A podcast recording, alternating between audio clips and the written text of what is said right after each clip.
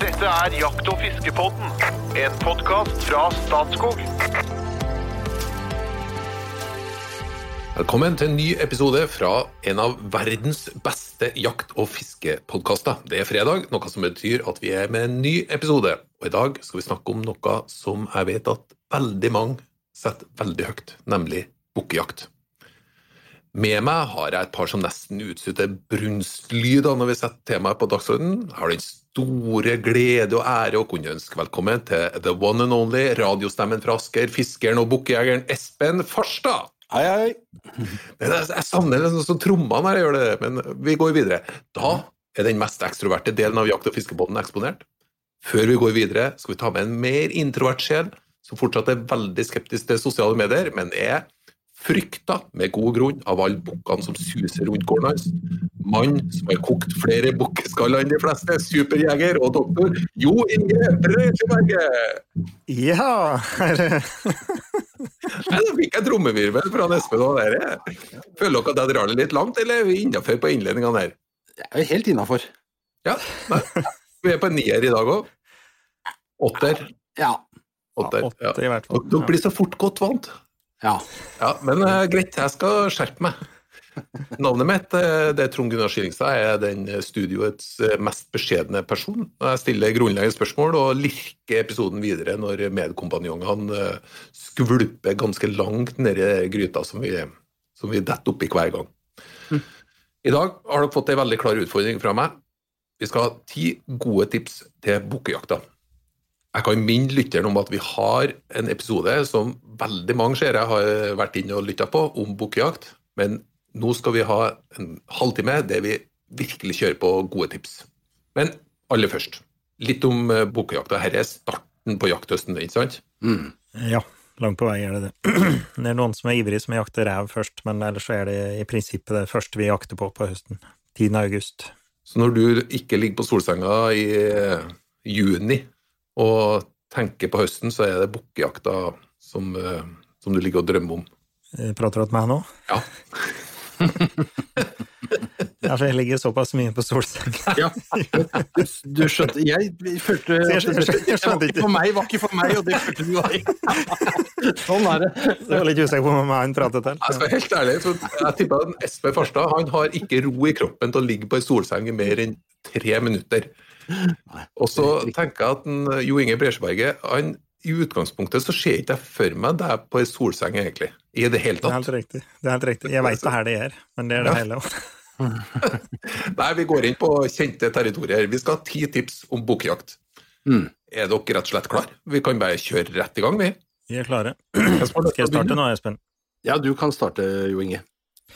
Ja, eh, for vi har jo ikke prøvd noe like ti tips eh, tidligere, eh, eller ja, tips, så da klart vi må starte litt grunnleggende. Og det er rekognosering og det å bli kjent med boka før jakta, det bruker jeg ganske mye tid på. Fryktelig, fryktelig mye tid. Når andre ligger på solsenga, så kan jeg være ute i, i felt og kose med boka mine. og det, det blir da å finne ut hvor de er, og jeg liksom prøver jeg med bi- bilde av hvordan de har revir, og hvordan de ser ut, og et annet bilde av hvor mange bukker har i terrenget. Og det beste tipset da, det er, eh, som jeg har oppdaget, det er å bruke viltkameraer.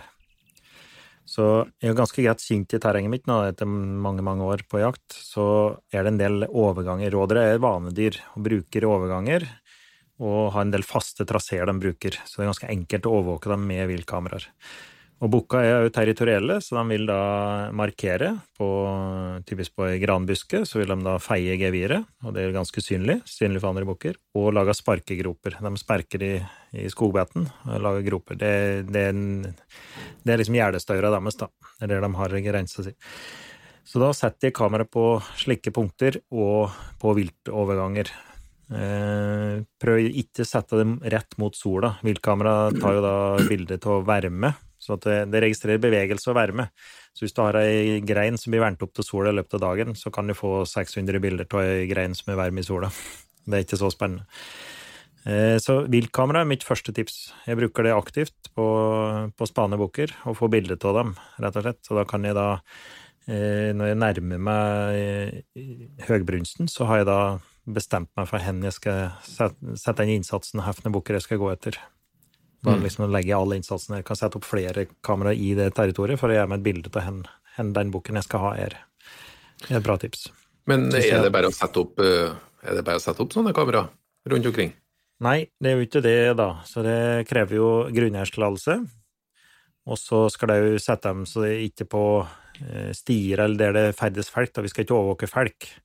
Så den skal ikke settes der det ferdes folk til vanlig, type turstier og veier og slik. Det er ikke lov. Og så må det ha grunneierstillatelse. Det, det avstedkommer jo et artig spørsmål. Eh, Dere representerer jo eh, Statskog, som er landets største grunneier. Eh, Må alle som har kjøpt rådyr bukkjaktkort hos dere, gå og spørre om dette med viltkameraer, eller har dere gitt en generell tillatelse? Vi har rutine på det. Så det ligger en hel rutine på hjemmesidene våre, og så må du sende en henvendelse en hvor det er type, du skal sette opp. Så du får leve, men du må bekrefte hvor det er du har det kameraet. Er da, da får du da grunneierstillatelse. Mm. Ja, ryddig. Det er bra. Veldig ryddig, veldig mm, helt greit formular som du bare finner på nettet, og så sender inn, og så bekrefter vi da tilbake. Så du får grunneierstillatelse til det. Hvor mange viltkamera har du da, Jo Inge? Eh, Jeg har en stand mellom 15 og 20. Og jeg er ikke MMS-versjon, for det skjer jo Hvis du skal ha tjuverisikring på seg, så er det litt mer mikk, da. Så at jeg har eh, kameraer eh, forholdsvis enkel type, men av en bra kvalitet. Og det har skjedd. Et av dem har blitt stølig, faktisk. Men eh, da har jeg satt jeg har kode på dem, og så at jeg må dit og skifte brikke. Men da får jeg jo trene rådyrbikkja, så går vi liksom en runde da, og sjekker kameraer og, og skifter minnebrikke i dem. da. Og det er litt, litt som julaften, og så sitter jeg og ser på de bildene, se hva du får opp. Jeg har en sånn artig vilt, eh, viltkamerahistorie på akkurat det. En kamerat av meg som er ivrig rådyrjeger, og som er grunneier, da, som har et fint rådyrterreng. Eh, Han eh, har jo også, som deg, ute en del kamera, men hadde sånn MMS-variant som sender bilder om hva som skjer hele tida. Så blei det ra- kameraet rappa. Men eh, de som hadde rappa det, de hadde jo da ikke så stor greie på dette, så de hadde jo bare satt opp hjemme på, på benken på kjøkkenet. Så det sendte jo jevnlig bilder av familien som bevegde seg rundt inne på kjøkkenet. Så han, han gikk ut i avisa og sa at, eh, forklarte hvordan dette var, og sa at eh, jeg har nå en masse bilder fra dette kameraet hjemme hos dere, så dere får til i morgen med å levere det tilbake. Og han våkna morgenen etter, så lå det i en plastpose på trappa. Så det var artig. Har du fått noe annet spennende på viltkamera enn bukk? La oss si ulv. Har du fått det? Jeg har eh, veldig mye ulvebilder. Jeg har gaupe, jeg har jerv, jeg har bjønn, eh, Oi, oi, oi. elg, villsvin. Eh, Kongeørn er jo det eneste jeg ikke har, tror jeg. Tiur, eh, katter, eh, ja, grevlinger, rev, ja, you name it. Hvordan blir kvaliteten, da?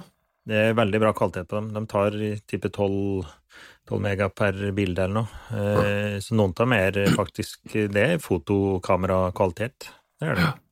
Eh, det er klart, eh, dyra er stort sett i bevegelse. Så det enkleste liksom vi, For noen år siden vi hadde lært å ha saltsteiner, så det å ha kamera på en saltstein er ganske effektivt. Du kan få mange bilder, men da står dyra litt mer i ro. Så det er litt lettere å studere dem. Hvis de går forbi et viltkamera, så er de stort sett i bevegelse, så da, det er ikke alle bilder som blir klare, selvfølgelig. da. Nei, men i løpet av tips nummer én så har jeg skrevet et tema på en ny episode som heter viltkamera. Ja, det kan vi, det kan vi prate lenge om. Nei, vi glir over til Det var fryktelig spennende. Ja, det, det var det egentlig. Så kjenner jeg at, Men jeg, nå skal jeg stoppe og spørre, og så skal vi gli over til tips nummer to. Espen? Ja, jeg er fremdeles litt på forarbeidet. Jeg følger med på det, fordi um, vi, vi snakker om 10. august, men dette er jo den første jakta. Eh, Det skjer jo egentlig i bunn og grunn ikke noe på, på jakt- og jegersida før 10. august, for min del i hvert fall. Så, så da eh, bruker jeg Jeg er ikke så hissig på det der med viltkamera-greiene. Jeg så, har ikke så profesjonell tilnærming som Breisjøberget, det må jeg bare innrømme.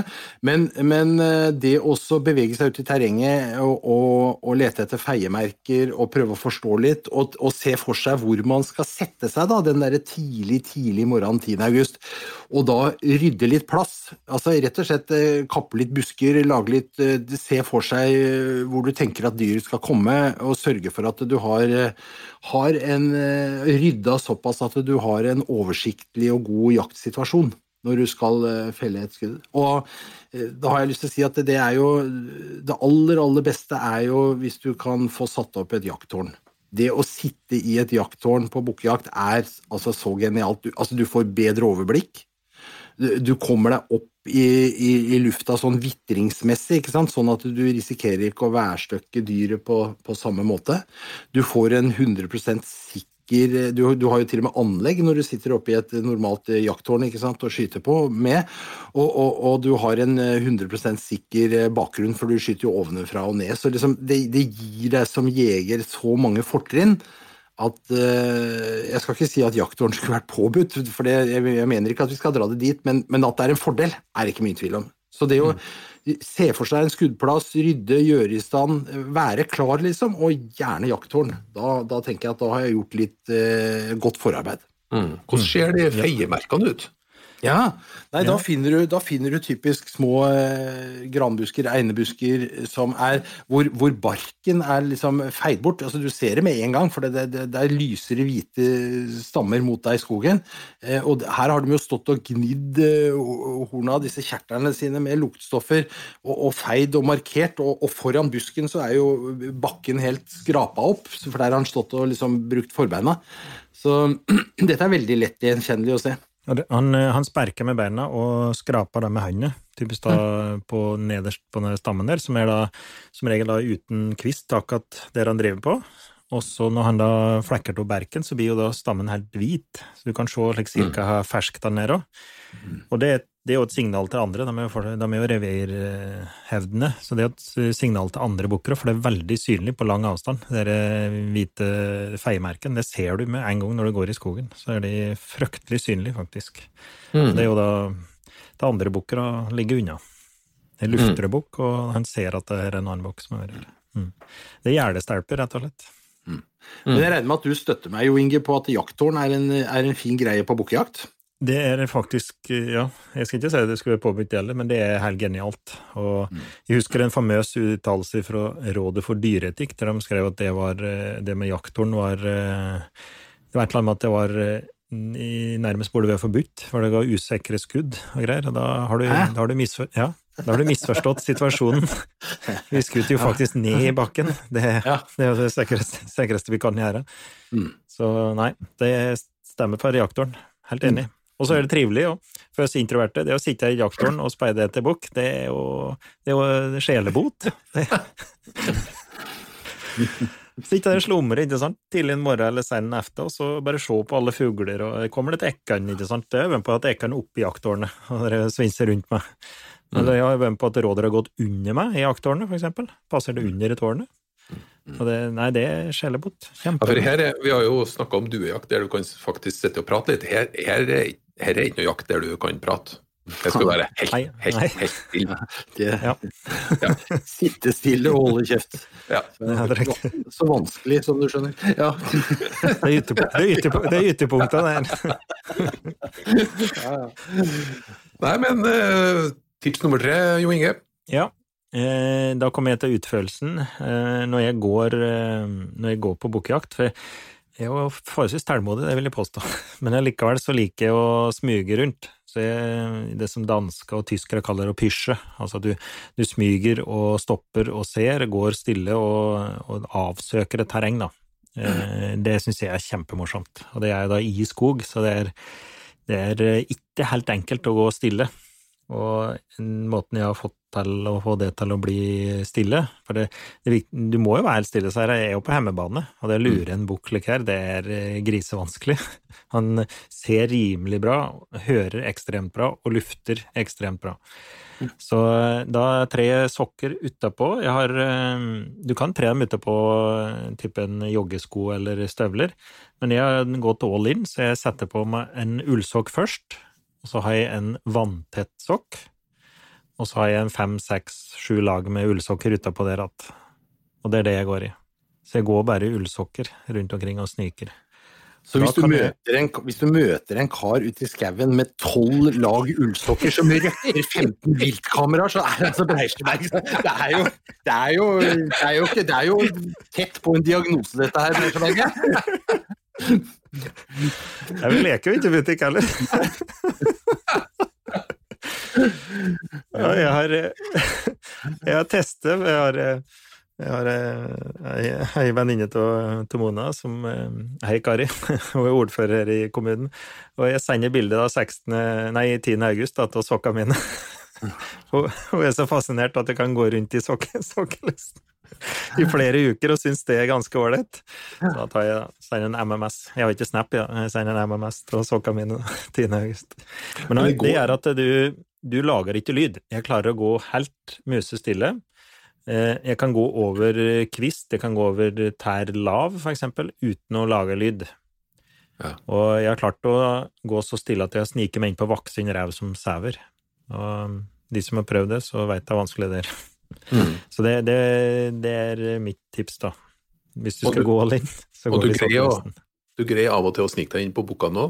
Ja, med det? det. Ja, eller er det stort sett at du tar dem når du står på post? Nei, jeg er jo stort sett i bevegelse, stopper og speider, litt i bevegelse, stopper og speider, og i området der bukken er.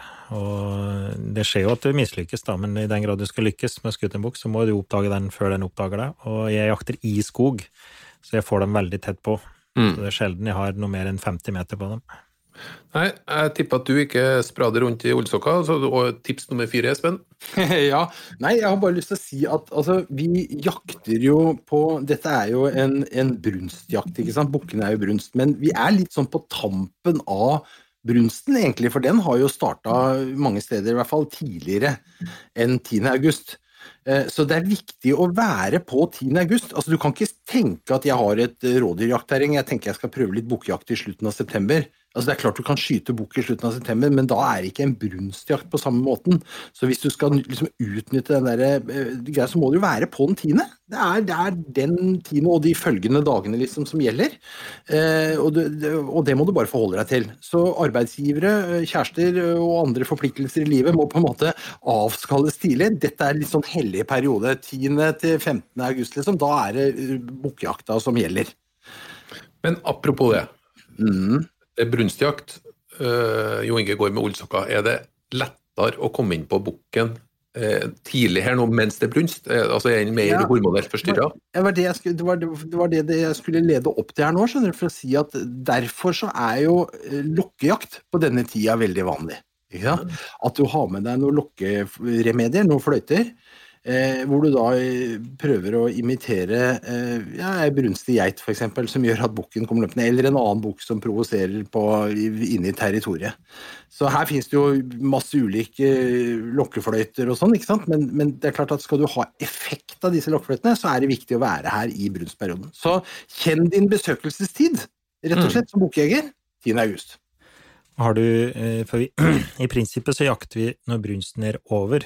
Så det er liksom etter brunsten, eller sist i brunsten, når mm. vi starter 10. august. Og det kan være Det skjer jo at jeg har sett paringer i, i bukkjakta fra 10. august utover, men eh, i all hovedsak så er brunsten over, altså at det er ferdig paret. Men det kan være at lite den rester av litt ettersom her tid den er begynt, da. Noen ganger så er den litt seinere enn andre, andre år. Og det er den mest effektive tida å lokke på, som Espen sier. Eh, tyskere kaller det blattsight, for da, da er de eh, på konstant leiting. De er jo elskovsrus, har pleid opp sine geiter og, og, leiter konstant etter eh, andre geiter som da kan eh, være villige til å ha besøk. Og det er klart, når vi da imiterer det, så kan det trigge at ja, her er det ei geit, da. Eller at vi, vi trigger med at det er noen som kommer og tar geita, eksempel. Det kan jo være det mest effektive. Så, så, det er tida for lokket. Det er da typisk i, helt i slutten på brunsten det er best. Mm. Og Apropos det, da, Trond Gunnar, så tenker jeg at det kunne jo være en hel episode, dette med lokking, for det er en hel vitenskap. Her er det ja. ulike skoler og, og teknikker og, og alt. Det, dette er veldig spennende, egentlig. Eh, og det har fått en veldig, veldig sånn der boost, den der lokkejakta de, de seinere åra. Eh, mange som har funnet glede i det der å ja, du sklir jo veldig inn i situasjonen da, når du driver med det. Mm. Men sa du, sa du, jo, Inge, at det var, var det kanskje mest effektiv, effektivt her nå når det var en brunstperiode, å late som at du er en annen bukk? Altså drive og lage bukkelyder? For å få en konkurransesituasjon, ja, ja. eller er det Det, det er mest effektivt i slutten på brunsten, for da er de, leiter de etter eh, geiter. Så du kan imitere en kjelling, f.eks. Da vil det være ei geit i nærheten. Mm. Eh, men det, som regel det mest effektive er å etterligne et angstskrik, ei geit som da blir plaget av en bukk. Okay. Eh, hvis hun blir plaget og ikke er klar, så, så har jeg en, et eget angstskrik. Det er en magnet da på bukker, for hvis du da gjør det inni reviret til en bukk som er på leit etter damer, da tror han at det der er det en annen bukk og plager dama hans. Mm. Det trigger eh, da, da får du fram det verste i dem. Da kommer de. da skal de ta det. Her må jeg bare skyte inn og si at hvis du laster ned helt eh, gratis NJFF-appen på telefonen din, så ligger det eksempler på alle disse lokkelydene der som, som du kan bruke. Alt fra killing til eh, annen geit eller bukk. Ligger på iTunes og Ligger på AppStore og Google Play heter det vel på Android. da. Ja. Nei, men da smatt uh, informasjonssjefen i Jeger og Fisk uh, inn den òg. Det, det var absolutt på sin plass, vil jeg si. Har vi kommet til nummer fem nå? Vi er på sekseren. Ja. Vær så god. Eh, Da er det min tur, da. Eh, Da vil jeg anbefale eh, vi, Som vi nevnte tidligere her, så er de jo De har jo veldig god luftesans, så vi må jo gå mot vind, da. Ikke sant? For har du vind i ryggen, så er det her stort sett kjørt. Og for å teste vinden, så har jeg kjøpt en egentlig en der, eh, vindtester som jeg klemmer på, som det er talkum på. Så du klemmer ut en liten, eh, liten dash, og så vil den eh, virvle med vind. Det er en veldig effektiv måte. Det kan du gjøre bare med en snusboks, eksempel. Du fyller en snusboks med talkum, og så lager du noen små hælige leker på den. Så du bare klemmer på den kjapt, så vil du da eh, få ut talkum fra den. Eventuelt eh, i gamle dager, så vi som er født på 1900-tallet, har jo sett kassettbånd. En type noe lignende kassettbånd også effektivt, som, eh, som flagrer i vind uten å lage lyd. En liten strimmel med noe slikt noe, som du kan henge på, på under løpet, eksempel. Så at du vil se, eller på skutestokken eller noen sted som da vil flagre, i vinden. Så ha en vindtester, det kan jeg anbefale. Eh, Får du vind i ryggen uten å kjenne det sjøl, så er løpet kjørt. For den er ekstrem var på, på lukt. Ekstremt var på luft, ja. Det er stort sett det sikreste for for å blåse en sjanse, er at du, du innsetter den. Mm. kan, den kan tåle ganske mye bevegelse og, og se Altså, du klarer som regel å snike deg innpå dem uten, forholdsvis tett, uten at de stikker, hvis du gjør ting riktig. Men får en vind av det, da er det kjørt. Da har du, da har du ingen sjanse. Ja, men, men mens vi er inne på sånne sanser som dette her vi snakker om nå, Jo Inge, så tenker jeg Vi sier jo at han, han, han eh, ser sånn passe, og så lukter han veldig godt, og så hører han jo veldig godt. Men det med lyder, ikke sant. Nå har du, la oss si at du går da med, med, med vinden mot deg, så du, så du liksom ikke værstøkker den. Men det med lyd, og du prøver å gå stille, men samtidig så er det jo sånn at en annen bukk lager jo lyd. Ikke sant? Den, den, hvis den driver og markerer på noen trær eller et eller annet, så kan du imitere lyder. Lage lyder bevisst, da, for å si det sånn. Ja, det er jo et tips i seg sjøl, da. Men det er eh, en bukk som feier, eksempel på gran, den vil lage ganske mye lyd. Eh, det kan være en måte, hvis, hvis du har en bok som du ser, som du ikke får fram, i stedet for å lokke på den med lokkelyd, så kan det være et tips. Å late som at det er, du er en bukk som feier på ei gran. Så du rister i grana og imiterer at du feier på den. da. Det vil trigge bukken ganske kjapt. Og det behøver ikke være kjørt selv om det du knekker en kvist, for det, det vil jo bukken gjøre sjøl. Han klarer ikke å gå helt lydløst den heller. Så jeg streber jo etter å gå helt lydløst, men eh, det behøver ikke være kjørt da, likevel. Espen, neste tips. Ja, har, det, er, det er tips og tips. Eh, jo, det er jo et tips, men, men det er jo også å minne folk på. Altså, rådyret eh, Ikke bukk, men rådyr kan jaktes med hagle. Ikke bukkjakta, den foregår med rifle. Her er det et krav om riflejakt. Men eh, mange ser jo kanskje på rådyret som mer en stor hare enn en liten elg, som vi har sagt. Altså nesten mer i småviltkategorien. Men dette er altså per definisjon et storvilt. Og det medfølger et krav om ettersøksavtale før du drar på bukkejakt. Så jeg bare minner om det. Ettersøksavtale skal være på plass før bukkjakta starter. Eh, slik at hvis du havner i en situasjon hvor du skadeskyter en bukk, så, så, skal det inn med en eh, ettersøksekvipasje om nødvendig.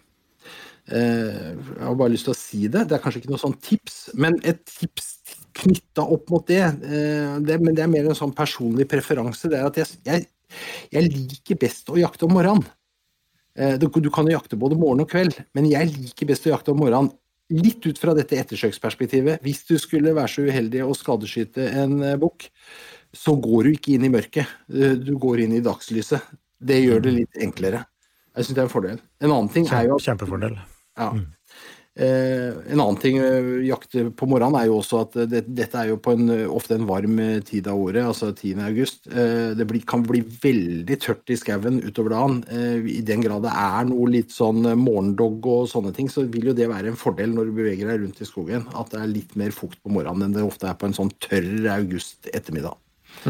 Så tidlig jakt, men eh, kanskje først og fremst i forhold til ettersøk. da, Eventuelt ettersøk. Så ha en tanke på ettersøk, er vel kanskje tipset. Både i forhold til at du må ha en avtale, og at uh, du kan jo tenke på det uh, når det gjelder tidspunkt på dagen som du jakter. I tillegg så satte jeg på lista over uh, tema for egen, egen sending, hadde jeg sagt. Ettersøk er jo et ganske stort tema som vi burde gå ganske dypt inn i. Ja, Absolutt. Og det har med respekt for dyret å gjøre også, syns jeg. Så det, dette skal være på stell. Har, jeg har jo én oppgave her, og det er å prøve å komme til ti. Og jeg er helt sikker på at jeg har en feil her nå. Men, eh, men eh, derfor er har jeg slutta å skrive nummer. Neste tips kommer nå fra Jo Inge Bresjeberget. Ja. Jeg tror jeg har hatt to, hvis jeg har telt riktig. Men mitt neste tips, da, det er å bruke en eh, skutestokk. Jeg har en, jeg har eh, en eh, stokk i den tror altså er i glassfiber, men eh, med håndtak på, og som jeg rekker meg omtrent til nesen. Så det er passe høyde, for jeg kan legge refla opp på den der, eller holde refla inntil den skuddestokken. Den er bare ett bein på den, så den er ikke noe like avansert. Men den hjelper meg når jeg sniker rundt i sokkelesten, så må du være ganske varsom med hvor du trår ned, for ikke, hvis du merker at du trår på en kvist, for eksempel. Så det er jo seriøs sniking, og da vil eh, skutestokken hjelpe meg da med, med balansen. Og i tillegg så vil du få et sikrere skudd da med å bruke stokken som støtte. Eh, Det er jo små mål, dette her, og, og de er forholdsvis lettskutt i, men, men det er ikke stor blink, så skuddet skal jo sitte der det skal. Og, og den hjelper meg med smuginga, som sagt. Og det kan jeg anbefale. Eh, hvis du jakter type på jorder og så kan du ha mer avanserte skutestokker, men når jeg sniker i skogen, så bruker jeg en enkel ettbeinet skutestokk. Kan, kan ikke du forklare meg? Det er, jeg er ikke helt med. Du har en skytestokk som du bærer med deg når du sniker deg rundt. Beskriv den litt Mm. Ja, mer. jeg går med den i, i venstrehånda, da. Og så bruker jeg den til støtte når jeg sniker, og så eh, når jeg, når jeg ser bukken, da, så legger jeg den på den skutestokken. Så jeg bruker den som støtte til eh, framme, da, på forskjeftet. Så det en Da ved på toppen av den skytestokken Ja. din. Mhm. Ja. Så legger den i ei kløft, og så legger bæsja i den, og så støtter du og bæsja med den. Da. da blir du veldig mye stødigere enn om du står og holder på frihånd. Mm. Er det noe du har laga sjøl, eller har kjøpt? Går det an å få kjøpt? Det går an å få kjøpt det, ja. Mm. Mm. Du kan få kjøpt sammenleggbare, og den jeg har er i hel lengde, men du får kjøpt sammenleggbare som ikke tar veldig mye plass, og er ganske billig. Mm. Men du syns ikke, du syns ikke at dette altså Du går jo da med børsa i høyre hånd og skytestokken i venstre hånd. Eh, og det, det betyr jo at du i bunn og grunn er nødt til å bruke skytestokken hvis du, hvis du går på en bukk ute i skogen. For du kan ikke begynne å legge fra deg denne, ikke sant? Nei, uh, stort sett da så bruker i Har du tenkt på det, Jo Inge? Jeg har det. jeg har det. Eh, og stort sett altså, så bruker jeg skuttestokken. Eh, det skjer jo at jeg legger den ifra meg hvis jeg, hvis jeg ikke trenger den eller har god tid, eller noe, så skjer jo at jeg legger den ifra meg. Men i all hovedsak så bruker jeg skuttestokken, og da betyr det at du må ha refla da gå med refla i høyre hånda. Hvis du har refla på skuldra eksempel, så vil du bruke litt mer tid da på å rigge det til. Men eh, enn så lenge så har det fordelene oppveid for ulempen med det. Skuddene Skudda blir mye sikrere. Jeg kan plassere skuddet sikkert i, skog, da, tetskog, på, på passe hull. Med, mm, på en mye sikrere måte enn tidligere. Mm. Altså, grunnen til at jeg spør om dette, er jo, er jo, er jo ja, litt sånn praktisk erfaringsmessig, men også en sånn prinsipiell greie. Altså, når man skal ut og gå i skogen og smyge og på en måte Du prøver å bli ett med omgivelsene og? Altså, du, du skal på en måte skli inn i skogen. Da.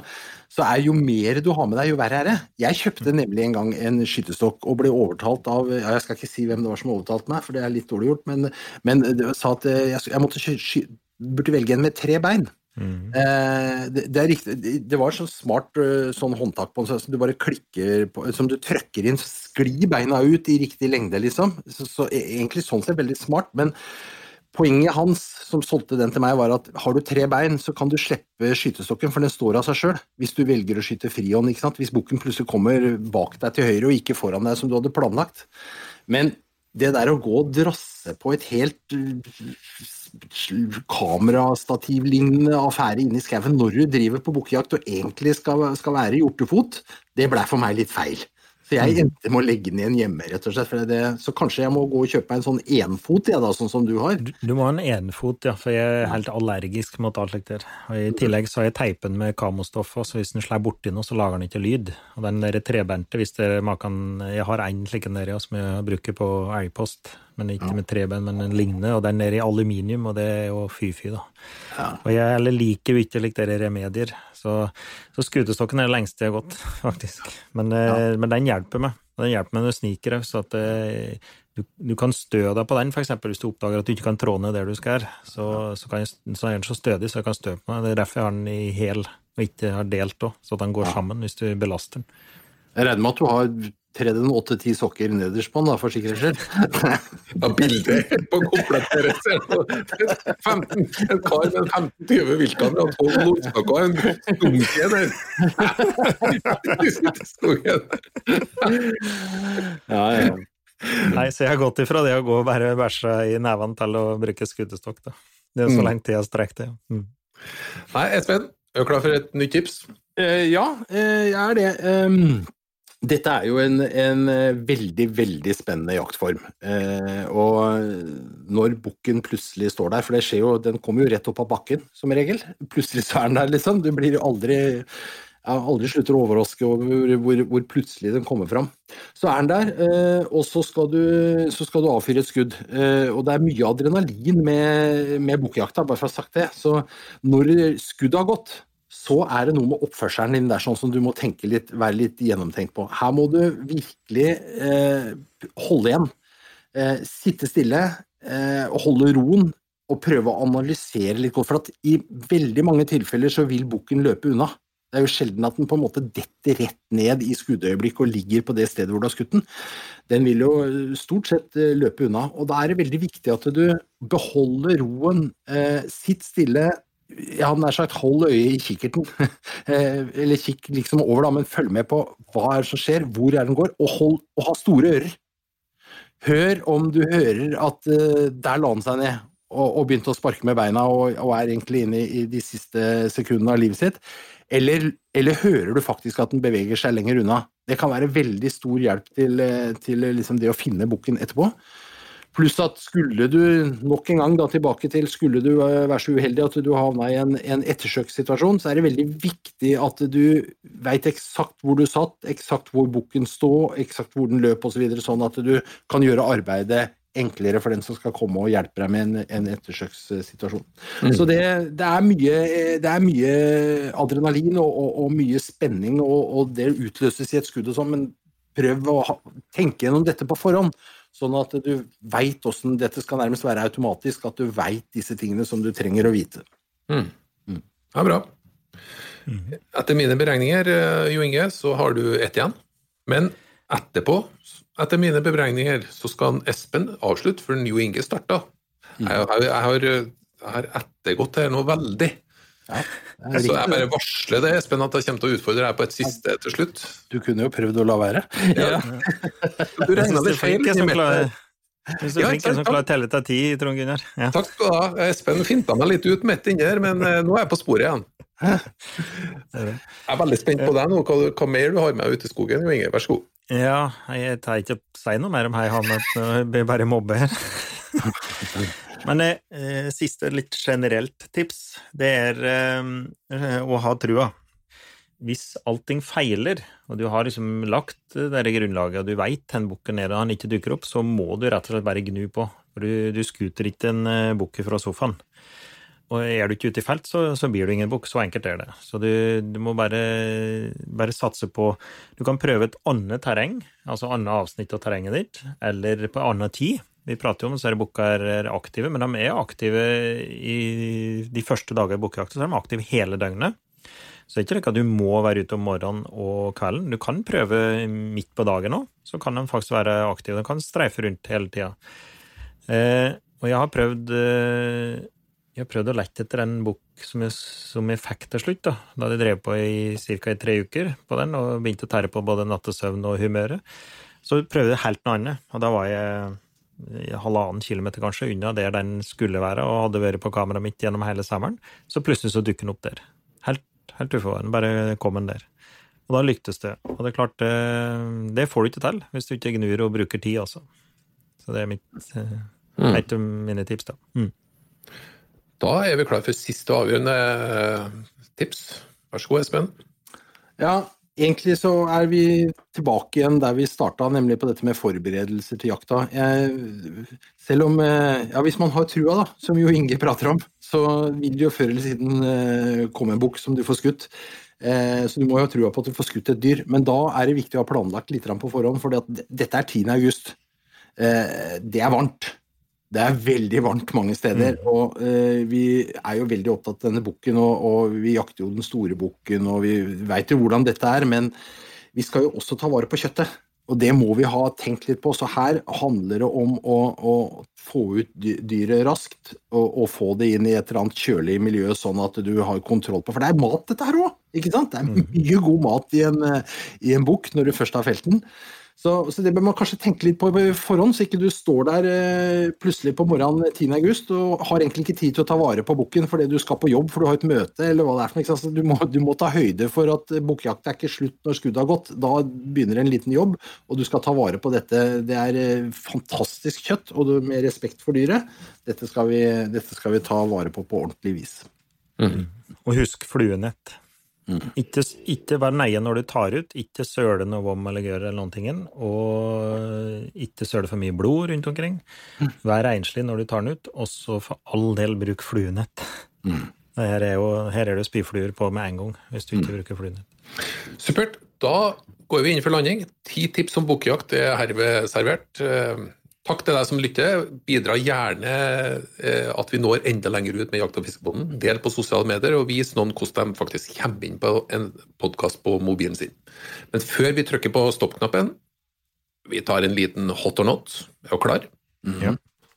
Trostejakt, hot or not? Hot. Oi, jeg hadde forventa deling. Interessant. Nå forventer jeg ikke deling. Vindmølla, hot or not? not? Not. Og så tar vi en liten hot til slutt. Namsos-bandet DDE, hot or not? Not. Nå tror jeg ikke dere hørte helt hva jeg sa. Jeg skal prøve en tur til. Namsos-bandet DDE, hot or not? Not. Takk til deg som lytter. Vi er tilbake med en ny episode i Jakt- og fiskebåten neste fredag. Ha det så lenge.